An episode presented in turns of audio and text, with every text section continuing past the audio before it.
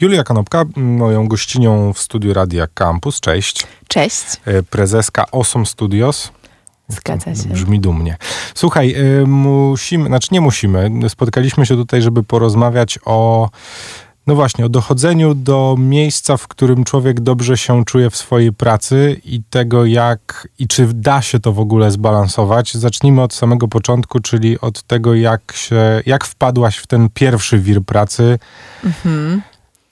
Do e... momentu zostania panią prezes. E, dobrze. No w pierwszy wir pracy wpadłam jakieś 6 lat temu. E, zaczynałam swoją drogę w reklamie jako e, junior account, więc e, no, jest to najniższe stanowisko w client serwisie poza stażystą.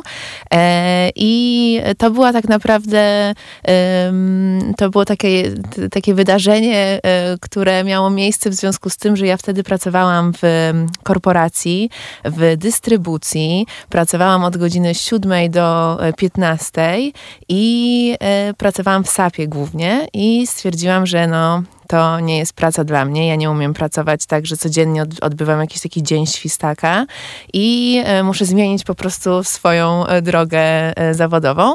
No i wtedy udałam się do agencji 180 Heartbeats, gdzie po prostu uwierzono we mnie. Moja pierwsza szefowa i prezes tej agencji um, uwierzyli w to, że mogę się nadawać do tej pracy, za co bardzo im dziękuję, bo chyba wyszło na to, że się rzeczywiście nadawałam do tej pracy. E, I, e, I zaczęłam tam pracę przez najbliższe trzy lata. To trwało. E, tam piełam się po szczeblach kariery w client serwisie, ale w pewnym momencie stwierdziłam, że chcę po prostu też poznać inne miejsca pracy i jako account manager już odeszłam z tamtej agencji. Później przez dwa lata byłam w innych miejscach, jakby mając też doświadczenie pracy z Nike'em, które no jakby też wynikało z tego, że, e, że to był klient 180 i no i miałam możliwość pracy na tym kliencie, bo po prostu też zauważono, że lubię takie projekty, które są wyzwaniami. No to później e, pracowałam dla Adidasa też po stronie agencji. E, no i e, to był chyba taki, po tym pierwszym wirze, który miałam w 180, to był kolejny wir, jakiś taki kolejny poziom e, mojej pracy, bo zarządzałam zespołem sześcioosobowym, co było naprawdę dużym wyzwaniem.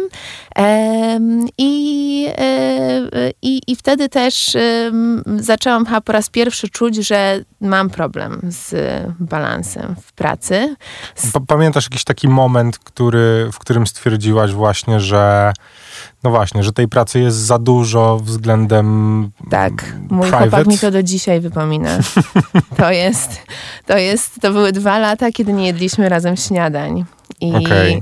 to była taka rzecz, która, którą my zawsze celebrowaliśmy. Ja w ogóle jestem foodisem, kocham jedzenie, kocham też gotować dla innych, więc często rano, jak jeszcze właśnie pracowaliśmy razem w 180, ja robiłam śniadania, zawsze to były jajka posze, więc no dla Bartka była to ogromna strata, że tych jajek przez te dwa lata nie było. Tak, no przeżył dwa lata bez śniadań, to dramat. No, no. no tak to przeżył, że minęły już y, trzy lata, a on nadal to przeżywa, więc chyba nie do końca to przeżył.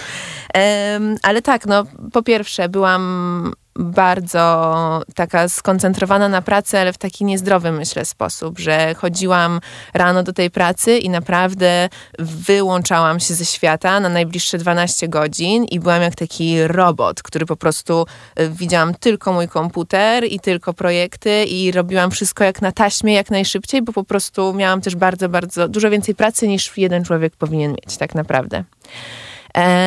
I, I to było, y, to był pierwszy jakiś taki wake-up call dla mnie. No i też to, że na przykład usypiając y, Lili wieczorem, zasypiałam z nią o godzinie 21, co nie jest y, dla mnie przynajmniej normalne i e, po prostu miałam odpięcie energii.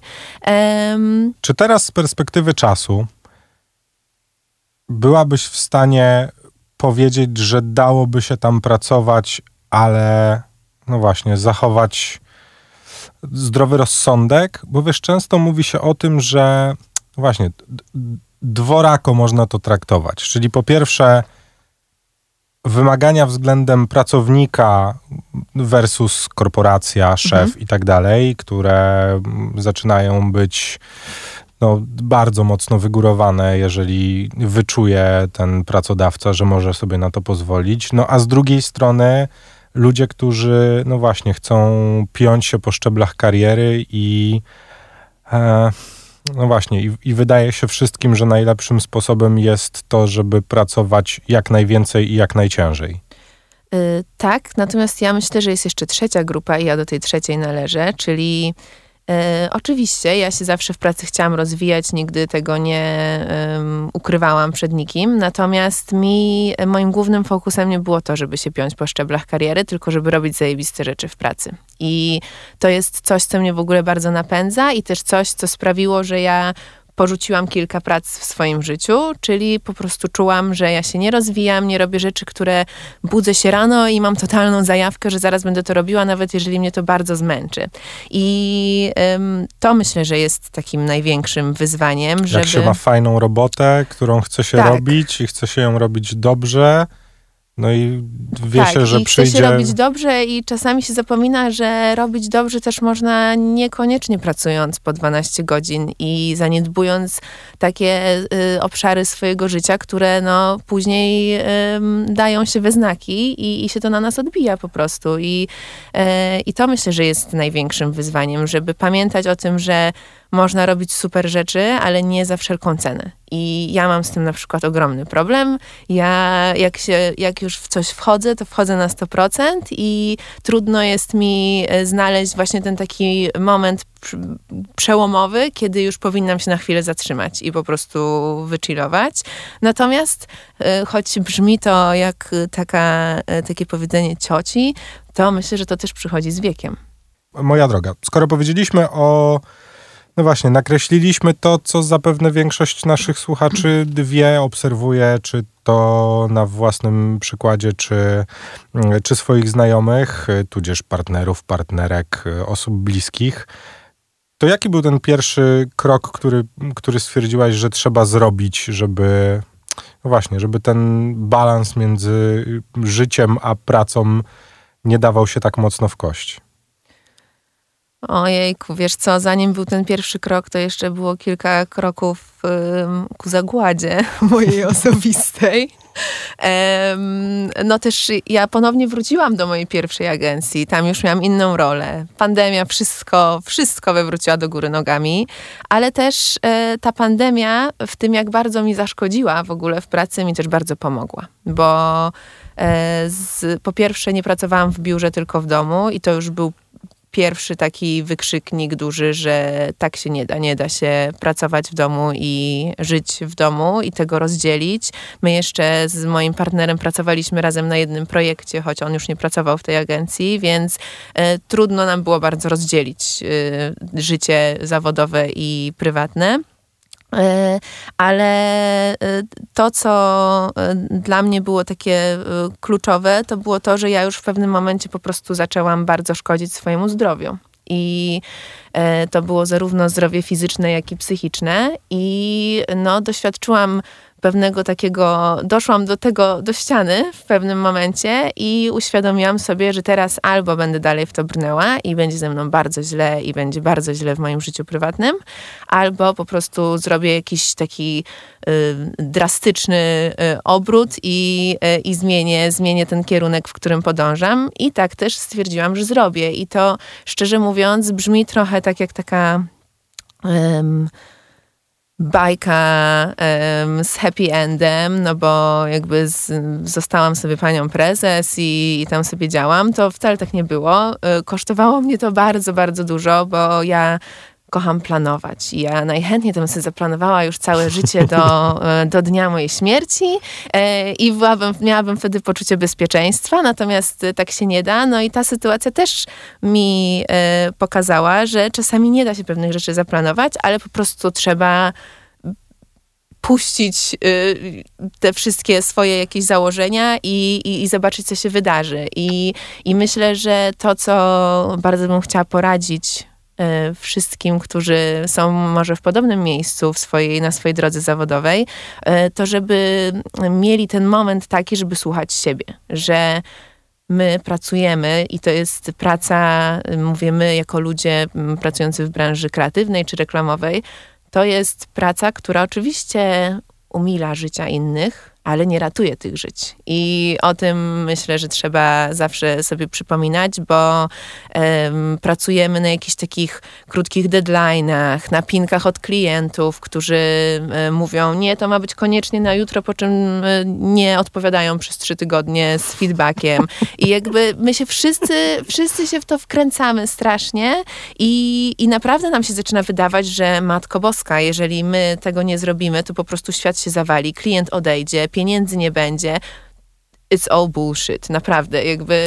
Tak, nie jest, to, nie jest to operacja na otwartym sercu, gdzie jak dokładnie. się lekarz spóźni 15 minut, to pacjent może zejść. Mm, dokładnie, no. dokładnie. Ale to, wiesz co, wydaje mi się, że my żeśmy, wszyscy już żeśmy wpadli w tę pułapkę chyba, niezależnie od, od branży, że każdemu, znaczy wszyscy wiemy, czym to jest podyktowane, no podyktowane jest to rynkiem, który ja mam trochę wrażenie, że stanął na głowie po prostu. No. I, I czasem trzeba po prostu walnąć pięścią w stół i powiedzieć: Nie, spokojnie dajmy sobie trzy dni więcej. Nikomu, nikomu nic się nie stanie, naprawdę. Tak, i ja też słyszę takie głosy, że coraz więcej jest ludzi, którzy rzeczywiście tak podchodzą do tego, że jakby nie wiem, jaką drogę odbyli, żeby znaleźć się w tym miejscu i uświadomić sobie takie rzeczy, ale którzy mówią, że właśnie nie, nie musimy w ten sposób pracować, nie musimy e, wszyscy jakby się tak napędzać. Ja ostatnio śmiałam się z moją e, przyjaciółką, która też pracuje w reklamie, że e, ludzie w tej branży są jak ludzie w rozpędzonym pociągu, tylko że oni jeszcze biegną w tym pociągu. Po prostu, żeby jak, jak najwięcej osiągnąć w tym czasie, to jest po prostu, no mija się z celem i też przypominam, że my mamy tylko jedno życie i jakby ten moment, w którym jesteśmy teraz, jak mamy 30 parę lat, to jest taki moment no, naszej chwały, jeżeli chodzi o, o naszą sprawność i, i, i to, co możemy w ogóle z tego życia brać. E, więc myślę, że nie warto go spędzać e, na 12-godzinnych e, jakichś slotach w robocie, bo, bo to się mija z celem. I oczywiście kasa jest ważna i pozwala jakby nam odkrywać świat, podróżować, jeść dobrze i um, ubierać się dobrze i czuć się w ogóle dobrze. Natomiast myślę, że jest pewna cena, której nie warto płacić za, za swoje zdrowie. No nie za wszelką cenę, no bo to też yy, właśnie. To wszystko to jest bardzo skomplikowane jednak, wiesz. No bo e, no tak, bo my siedzimy sobie teraz w ciepłym miejscu i, i, i, mamy już swoje lata i swoje przemyślenia, że, że trochę nie warto, a jednak jest bardzo dużo ludzi, których no właśnie, może nie na siłę trzeba wyciągać z tego miejsca, ale jakoś próbować im no właśnie pomóc, Uś, uświadomić, pomóc, Nareperować? Um, reperować to nie, na pewno. E, myślę, że uświadamiać um, warto i um, jakby dawać ludziom do zrozumienia, że jest też po prostu inna droga. Natomiast ja jestem przeciwnikiem tego, żeby ludzi, ludzi na siłę wyciągać z czegoś, bo um, to jest tak jak z terapią. Człowiek musi chcieć na nią pójść, żeby ona mogła przynieść efekty. E, I myślę, że podobnie jest właśnie z takim podejściem do, do swojej e, pracy zawodowej. Jeżeli to się nie. E, jeżeli my nie widzimy jakiejś przestrzeni na to, żeby, żeby coś zmienić w tym, to nie ma żadnej siły, która nas zmusi do tego, myślę. To kiedy, moja droga, zrodził ci się pomysł na, na Good Life w takim razie? Pomysł na Good Life zrodził mi się, jak rzuciłam pracę w agencji reklamowej. E, tak było dokładnie. To jest e, pomysł właśnie, który nikogo nie zmusza do tego, żeby zmienili swoją drogę, ale e, którym bardzo, bardzo bym chciała pokazać kobietom, bo jest to projekt skierowany do kobiet i może tak tylko zdaniem opowiem o tym, czym jest ten projekt w ogóle. To są wyjazdy weekendowe dla kobiet, na których zarówno ćwiczymy jogę, jak i przedstawiamy dziewczynom różne narzędzia, które one mogą wykorzystywać na co dzień, e, aby e, wpłynąć na swoje poczucie szczęścia. I e, brzmi to bardzo um, artystycznie, natomiast chodzi, e, chodzi o to, że wymyśliłam sobie taki pomysł, jak to zrobić, żeby uszczęśliwiać dziewczyny, przede wszystkim bliskie mi dziewczyny, moje koleżanki, dziewczyny z mojego otoczenia, które e, widzę, że mają bardzo podobne problemy do tych, które, przez które ja, z którymi ja się mierzyłam i są już tak bardzo wkręcone w swoje życie, że trochę nie mają pomysłu w tym rozpędzeniu na to, co można z tym zrobić tak y, doraźnie. I e, stąd się właśnie zrodził ten pomysł, żeby jeździć na takie wyjazdy, gdzie będziemy zarówno dbać o to ciało, gdzie będziemy ćwiczyć jogę, która też e, oczywiście, że wpływa na umysł i uspokaja nas, wycisza, ale też, żeby dotykać różnych obszarów e, dobrostanu psychicznego. I poprzez to dotykanie tych obszarów mam na myśli różne warsztaty, które na każdym wyjeździe będą inne i e, będą dotyczyły, e, dajmy na to, na pierwszym wyjeździe będą to emocje. E, I będziemy rozmawiały o szczęściu, o tym, jak można na to poczucie szczęścia, własne poczucie szczęścia wpływać na co dzień jakimiś drobnymi zadaniami, które możemy sobie same wykonywać i które naprawdę nie kosztują nas wiele. I myślę, że kosztują nas tyle, co 10 minut scrollowania przez Instagram, a mogą bardzo wiele wiele wnieść e, na dłuższą metę e, właśnie do naszego, e, do naszego poczucia szczęścia. Ale będziemy też rozmawiać o przedsiębiorczości, o seksualności, o kwestiach społecznych, o no, naprawdę bardzo różnych tematach, które wszystkie składają się na to, jak my, jak my odczuwamy w ogóle szczęście i, i jak czujemy się same ze sobą, bo myślę, że to jest ważne i to są trzy dni, kiedy odcinamy się od świata. Ja oczywiście nie jestem, e, nie będę tutaj ściemniać, ja też posiadam Instagram i lubię Instagram i jakby zdaję sobie sprawę z jego mocy, natomiast te wyjazdy też są o tym, żeby trochę się wyciszyć i, i nie być tak w takim napięciu i w takim uzależnieniu od swojego telefonu. E, dlatego będziemy je zawsze organizować w miejscach, które swoim wyglądem też pomagają w takim osiągnięciu e, spokoju e, wewnętrznego. Zamiast oglądać wnętrza na Instagramie, będą na żywo. E, dokładnie, dokładnie. E, nawet nie wnętrza, raczej e, pejzaże, bym powiedziała bardziej. E, ale tak, no myślę, że to jest nasz bardzo duży problem. To jest też mój problem. Pracuję w branży kreatywnej. Ten Instagram chociażby dla Osom Studios jest też bardzo ważny. E, no tam też jest oczywiście aspekt memowy, no ale tym zajmuje się mój partner. I, e, I my sami jakby mamy e, takie zasady, żeby mieć momenty, kiedy po prostu nie używamy telefonu i nie używamy Instagrama, bo to już jest przedłużenie naszych rąk i to jest przerażające. I to sprawia, że ludzie są naprawdę skrajnie przebodźcowani i widzę czasami, jak moje koleżanki są ze mną na spotkaniu i spływają im notyfikacje na telefon, już się trzęsą. I ja znam ten stan, bo ja też miałam ten stan, dlatego teraz jestem wielką fanką funkcji nie przeszkadzać albo skupienie, bo, bo to jest y, jakby coś, jesteśmy uzależnieni od technologii i, i oczywiście, że ja zdaję sobie sprawę z tego, jak technologia jest istotna, e, natomiast naprawdę bardzo, bardzo ważne jest, żeby czasami ją sobie gdzieś porzucić i skupić się na tej naturze. I nie mówię tutaj o przytulaniu drzew, choć ja uwielbiam. Choć dokładnie, jakby każdy, każdy przytula drzewa, jeżeli czuje taką potrzebę. Natomiast mówię o tym, że no naprawdę ważne jest, żeby czasami wziąć kilka głębokich oddechów i skupić się tylko na tym, że jesteśmy tu i teraz, a nie na tym, czy ktoś na Instagramie zlajkował nasze zdjęcie, albo czy y, ktoś ma lepszy post od nas i bardziej zasięgowy. Ach, jak to dobrze, że mnie takie rzeczy nie dotyczą jednak. No, czasem, bardzo czasem, dobrze. czasem powiem ci, że się cieszę nawet. Naprawdę, to jest... Że niektórych, niektórych bolączek XXI wieku nie zrozumiem, mam nadzieję, nigdy, ale z drugiej strony przyjdzie nam się mierzyć e, z tymi problemami, wychowując nasze pociechy, bo o tym też trzeba pamiętać, że nawet jeżeli... Myślę, że z większymi.